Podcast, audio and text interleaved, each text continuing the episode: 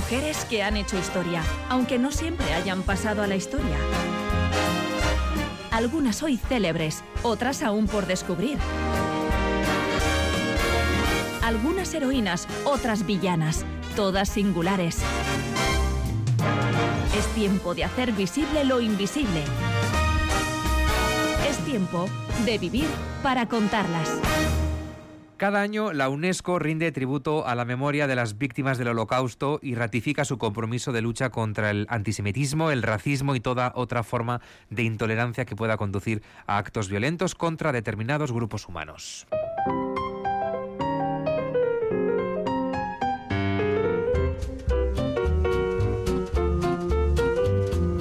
El 27 de enero se conmemora la liberación en 1945 y por parte de las tropas soviéticas del campo de concentración y exterminio nazi de Auschwitz-Birkenau. La Asamblea General de las Naciones Unidas proclamó oficialmente esa fecha como el Día Internacional de Conmemoración en memoria de las víctimas del Holocausto. Durrebaz, ¿cómo estás? Hola. Hola, muy bien. Y estamos ante uno de los episodios más crueles eh, y vergonzantes de la historia. Sin ninguna duda. Y además lo inquietante es pensar también que no solo no ha sido el único, sino que podría no ser el último por eso es importante y muy necesario que se sigan conmemorando estos aniversarios porque, como argumenta la propia UNESCO, los genocidios y otros crímenes atroces siguen ocurriendo en varias regiones del mundo y seguimos siendo testigos de un aumento mundial de los discursos de odio. Y en ese contexto eh, podríamos repasar la biografía de muchas mujeres ¿no? que fueron víctimas de aquel odio y que se enfrentaron a él con las armas que tuvieron más a mano. Sí, podríamos hablar de muchas de ellas. Por ejemplo, podríamos mencionar, por supuesto, a Ana Frank, la judía eh, niña que tras la ocupación de los Países Bajos por parte de los nazis vivió dos años escondida junto a su familia en la conocida como Casa de Atrás, hoy convertida en museo. Durante aquellos años ella documentó su día a día, sus pensamientos, sus sentimientos, incluso sus planes de futuro en su hoy célebre diario que constituye además un valiosísimo testimonio. Tras ser descubierta, Ana murió en el campo de exterminio de Bergen-Belsen, como murieron también su hermana y su madre. Solo su padre, Otto, sobrevivió a aquel infierno y decidió compartir con el mundo el testimonio que Ana había dejado recogido en su diario. Pero bueno, todos estamos más o menos familiarizados con la historia de Ana Frank y hoy nos vamos a adentrar en la biografía de otra joven, mucho menos conocida más allá de las fronteras alemanas, que se enfrentó con gran valentía también al régimen nazi, en este caso cara a cara. Hoy en Vivir para contarlas, Sophie Scholl, La Rosa Blanca.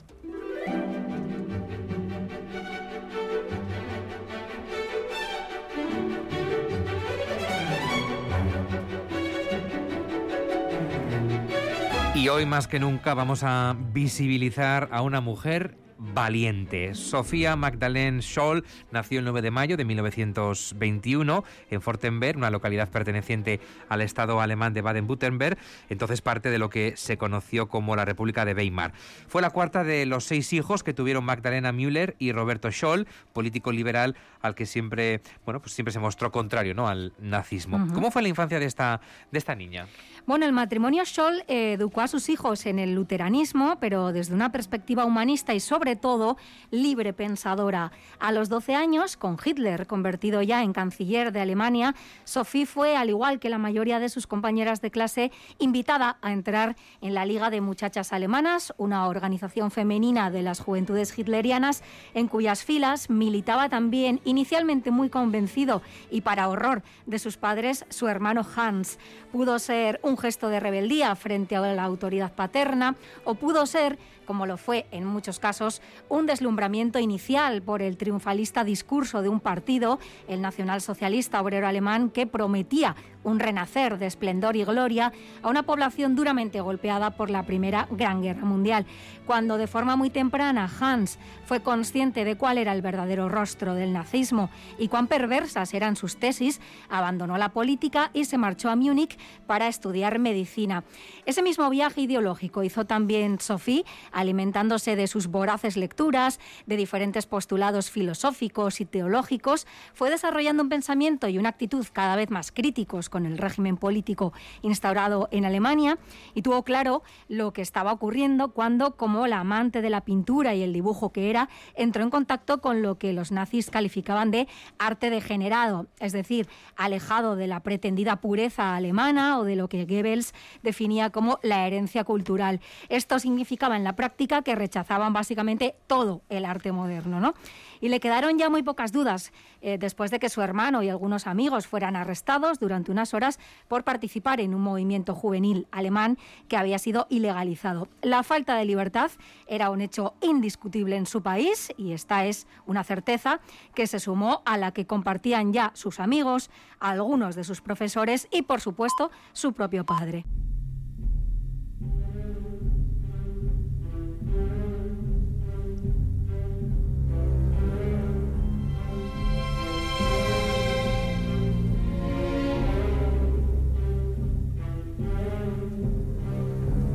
Nos situamos en 1940. Sophie Scholl finalizó sus estudios de secundaria y, por cierto, el tema que eligió para su examen de bachillerato llevó por título La mano que mueve la cuna, mueve el mundo. Sí, ella ya era una chavala bien comprometida y bien despierta, ya entendía cómo funcionaban las cosas. Y como le gustaban los niños, hizo unas prácticas como educadora en un jardín de infancia y en un sanatorio de niños con la esperanza, además, de que aquella labor pudiera constituir una alternativa al paso por el servicio de trabajo del Reich, en el que durante la guerra todos los jóvenes, hombres y mujeres, debían prestar seis meses de servicio obligatorio. No se libró y pasó ese medio año en el servicio auxiliar de la guerra como profesora de enfermería. A partir de ahí, ¿qué hizo eh, después de ese periodo, Sofía? Pues siguiendo los pasos de su hermano Hans, entró en la Universidad de Múnich, donde él estaba estudiando medicina.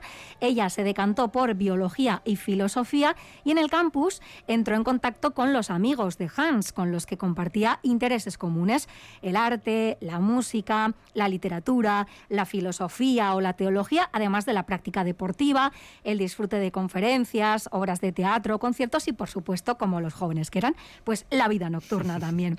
En 1942, Hans fue enviado como enfermero al Frente Oriental, donde fue testigo directo de la crueldad de la guerra y las atroces acciones bélicas impactaron sobremanera a Hans como a muchos de sus compañeros. ¿Y qué es del resto de la familia? que hacían, incluida ¿eh? la propia Sophie? Bueno, en aquel contexto bélico todo el mundo tenía que poner eh, su granito de arena obligatoriamente y durante las vacaciones de aquel mismo verano la propia Sophie tuvo que trabajar como operaria en una empresa metalúrgica que en ese contexto de la guerra había sido reconvertida para la fabricación de armas y municiones. De forma paralela, su padre estaba en prisión porque tras una conversación privada en la que había criticado a Hitler, uno de sus empleados lo había delatado a la Gestapo, lo había denunciado y había sido encarcelado por un comentario, señores.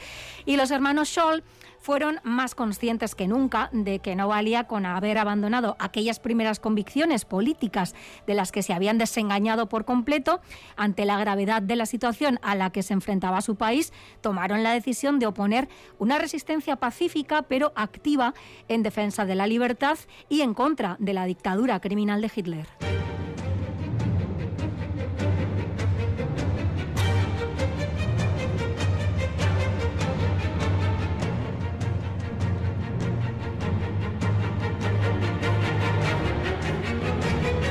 Los hermanos Sol y sus amigos mantenían largos debates filosóficos sobre cómo debía actuar un individuo bajo un régimen totalitario, a pesar de los riesgos no evidentes. Eh, concluyeron eh, no cabía al menos para ellos la inacción cómplice, ¿no? Tenían que hacer algo, de no quedarse de manos cruzadas. Alguien tenía que alzar la voz y abrirle los ojos a aquellos que todavía parecían hechizados por el sanguinario líder. La cuestión de uno era cómo hacerlo. Claro, porque algunos no estaban hechizados, pero tenían miedo, ¿no? Ese debate que ellos tenían es muy interesante, ¿no? Cómo actuar eh, bajo una dictadura. al régimen Exactamente. Nazi, Es, complicado a veces, ¿no? Actuar. Y bueno, en ese contexto, en junio de 1942 y ante la estupefacción generalizada, empezaron a aparecer en la Universidad de Múnich panfletos firmados por un movimiento de oposición a la guerra y al gobierno totalitario alemán y la propia Sophie cogió uno y se encerró en el baño para leerlo con calma porque solo interesarte por el papel y que te vieran cogerlo ya, podía darte problemas, ¿no? Bueno, se escondió, lo lo leyó y el colectivo firmante se hacía llamar La Rosa Blanca. Denunciaban las mentiras y manipulaciones orquestadas por la maquinaria propagandística de Goebbels y llamaban a la ciudadanía a despertar frente a la dolorosa realidad de su país. Ella pensó, pues no estamos solos, ¿no? En, nuestra posición. Escondió ese panfleto entre sus ropas y cuando llegó a casa se lo enseñó entusiasmada a su hermano Hans. Y este le confesó entonces que la Rosa Blanca no eran otros que él y sus amigos Willy Graf, Christoph Probst y Alexander Smorel. Yo también quiero formar parte de esto, ¿no? Le dijo Sofía a su reticente hermano, que claro, había decidido mantenerla al margen de forma muy consciente, ¿no? Y voluntaria. Pero ella le convenció argumentando que su presencia como una muchacha aparentemente inocente, a la que las SS probablemente subestimarían y por lo tanto ignorarían, pues podría resultar de gran utilidad al movimiento. Así que ya era oficialmente miembro de la Rosa Blanca.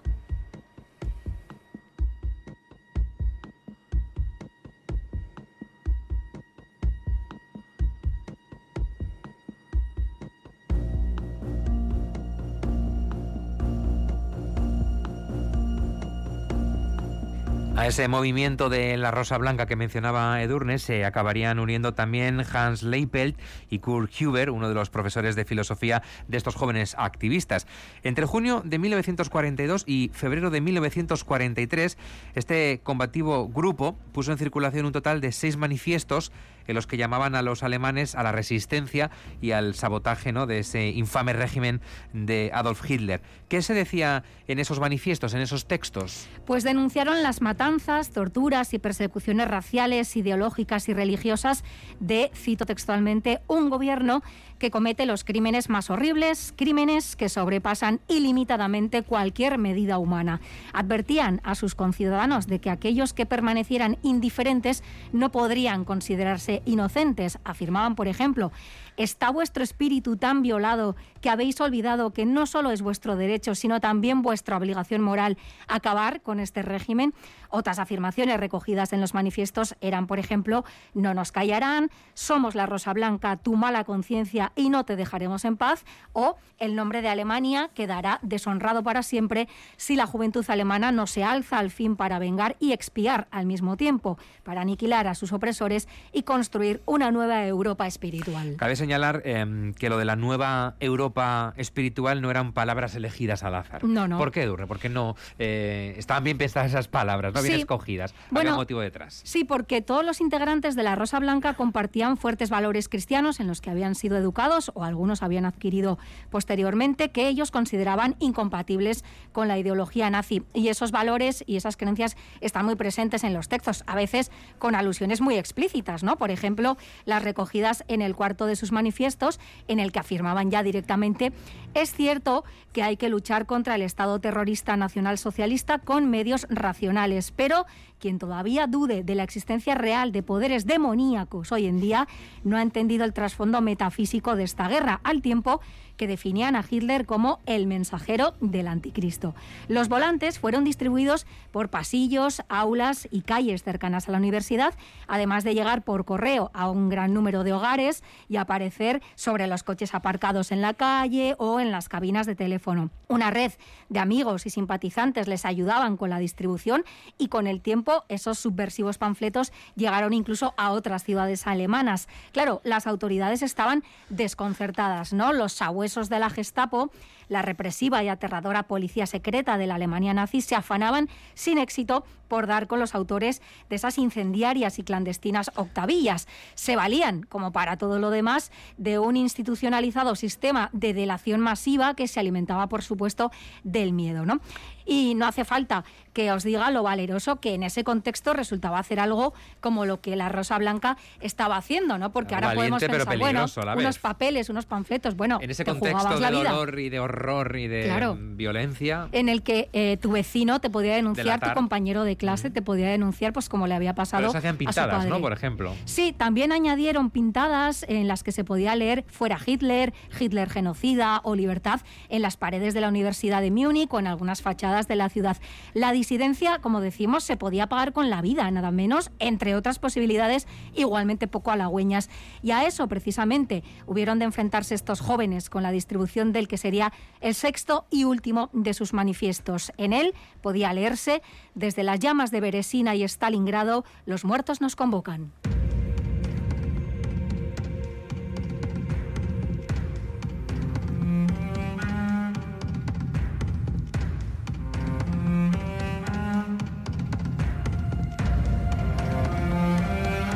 La distribución de ese último manifiesto de la Rosa Blanca tuvo lugar en la Universidad de Múnich en la mañana del 18 de febrero de 1943. ¿eh? Ese manifiesto que decía desde las llamas de Beresina y Stalingrado los muertos nos convocan. Ujú. Bueno, Sophie y su hermano Hans aprovecharon que todos los alumnos estaban en clase para distribuir discretamente sus octavillas por los pasillos de la universidad.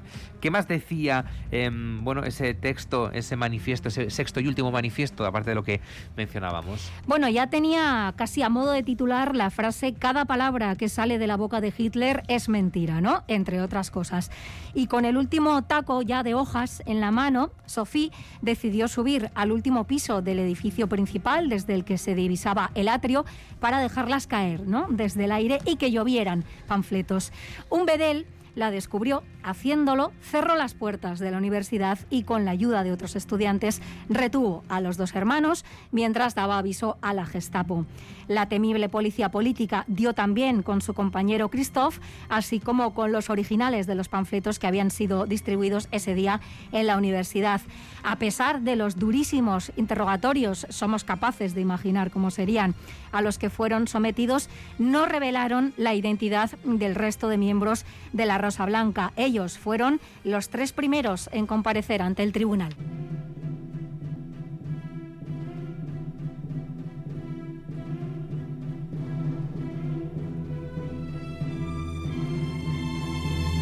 Fíjate que esa valentía les llevó incluso a no delatar al resto de compañeros, ¿no? La sí. mantuvieron, mantuvieron firme ese compromiso hasta el final, ¿no?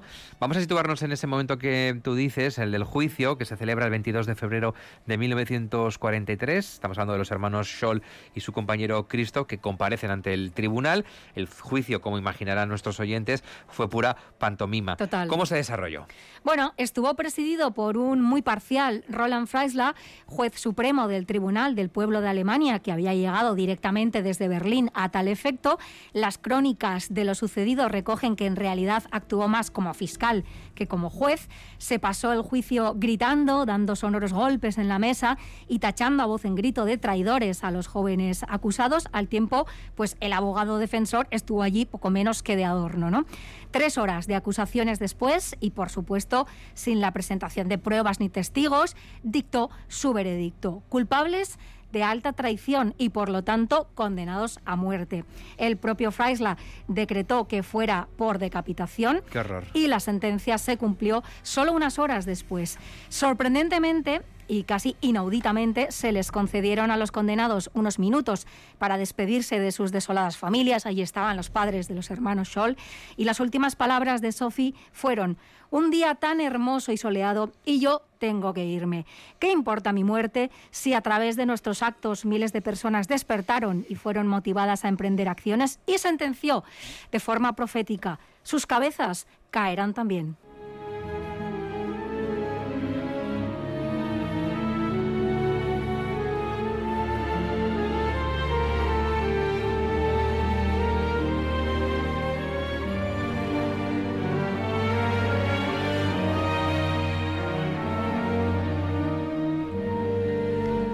Sophie Scholl, de 21 años, apenas 21 años, fue la primera de los tres en subir al cadalso con sorprendente aplomo, también con serenidad, se arrodilló y sin dejar de mirar a sus verdugos, colocó la cabeza bajo la guillotina. Le siguió Christoph Probst, Hans, el hermano de Sophie, fue el último y sus postreras palabras antes de que la cuchilla cayera sobre su cuello fueron Viva la libertad. Tras la ejecución de los hermanos Scholl y de su compañero Christoph, la Gestapo prosiguió con sus investigaciones hasta que los demás miembros de la Rosa Blanca fueron cayendo. Cuatro de ellos acabaron condenados a muerte: Alexander Smorel, Willy Graf, Hans Leipelt y el profesor Kurt Huber. Otros amigos y colaboradores fueron condenados a penas de prisión de entre seis meses y diez años.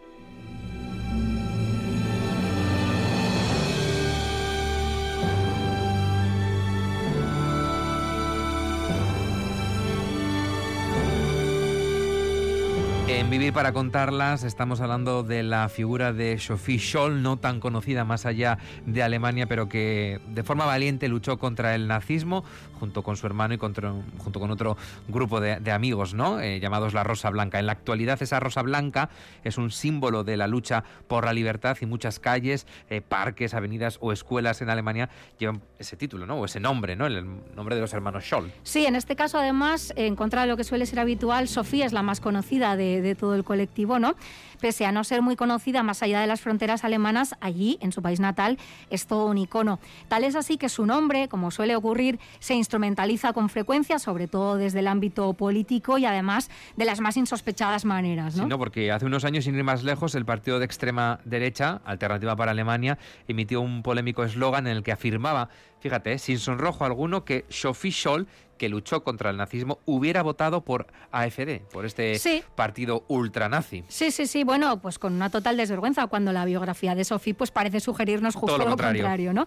Bueno, también el movimiento negacionista de la COVID-19 alemán ha explotado el nombre de Sophie Scholl comparando su oposición a la obligatoriedad de llevar mascarilla con el movimiento de resistencia que protagonizó Sophie. Claro, que con bastante poca vergüenza también han lucido uniformes de prisioneros de campos de concentración o estrellas amarillas en las que puede leerse no vacunado, ¿no? Bueno, la historia de los hermanos Scholl ha sido inmortalizada tanto en libros como en obras de teatro o, por supuesto, películas con títulos como La Rosa Blanca, Los últimos cinco días o la más reciente, Sophie Scholl, Los últimos días, que fue estrenada en 2005 y nominada al Oscar a la mejor película extranjera. En palabras de Víctor Frankl, neurólogo, psiquiatra y filósofo austríaco, superviviente no de uno, sino de varios campos de concentración nazi y autor del libro de culto, El hombre en busca de sentido, al hombre, dijo, se le puede arrebatar todo salvo una cosa, la última de las libertades humanas, la elección de la actitud personal ante un conjunto de circunstancias para decidir su propio camino. Y es precisamente esa libertad interior la que nadie nos puede arrebatar, la que confiere a la existencia una intención y un sentido. Bueno, pues los hermanos Scholl y sus compañeros decidieron defender sus convicciones y plantar cara al fascismo. Lo pagaron con su vida, pero nos dejaron el consuelo de que incluso en los tiempos más oscuros siempre hay quien reúne el valor para alzar la voz contra la tiranía, en su caso, la de la pluma contra la espada.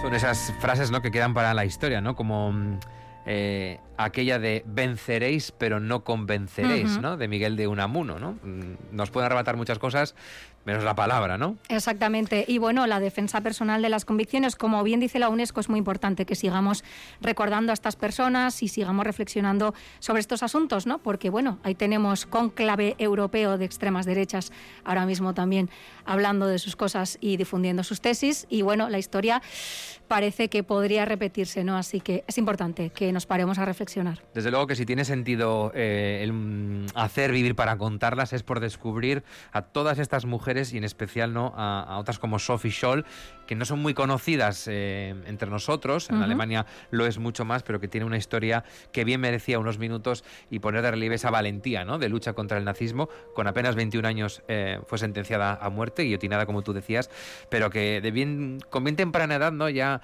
mostró ¿no? esa, esa valentía de, de, luchar contra un régimen que era totalmente destructivo ¿no? y que estaba abocada probablemente a su final. Y la importancia del espíritu crítico ¿no? y mm. analítico, como ella al principio, como muchos alemanes y alemanas, fue convencida por ese régimen que ofrecía gloria y esplendor, pero pronto vio que aquello no iba realmente de lo que parecía. ¿no? Eduardo Vázquez, que ricasco. Es orgático.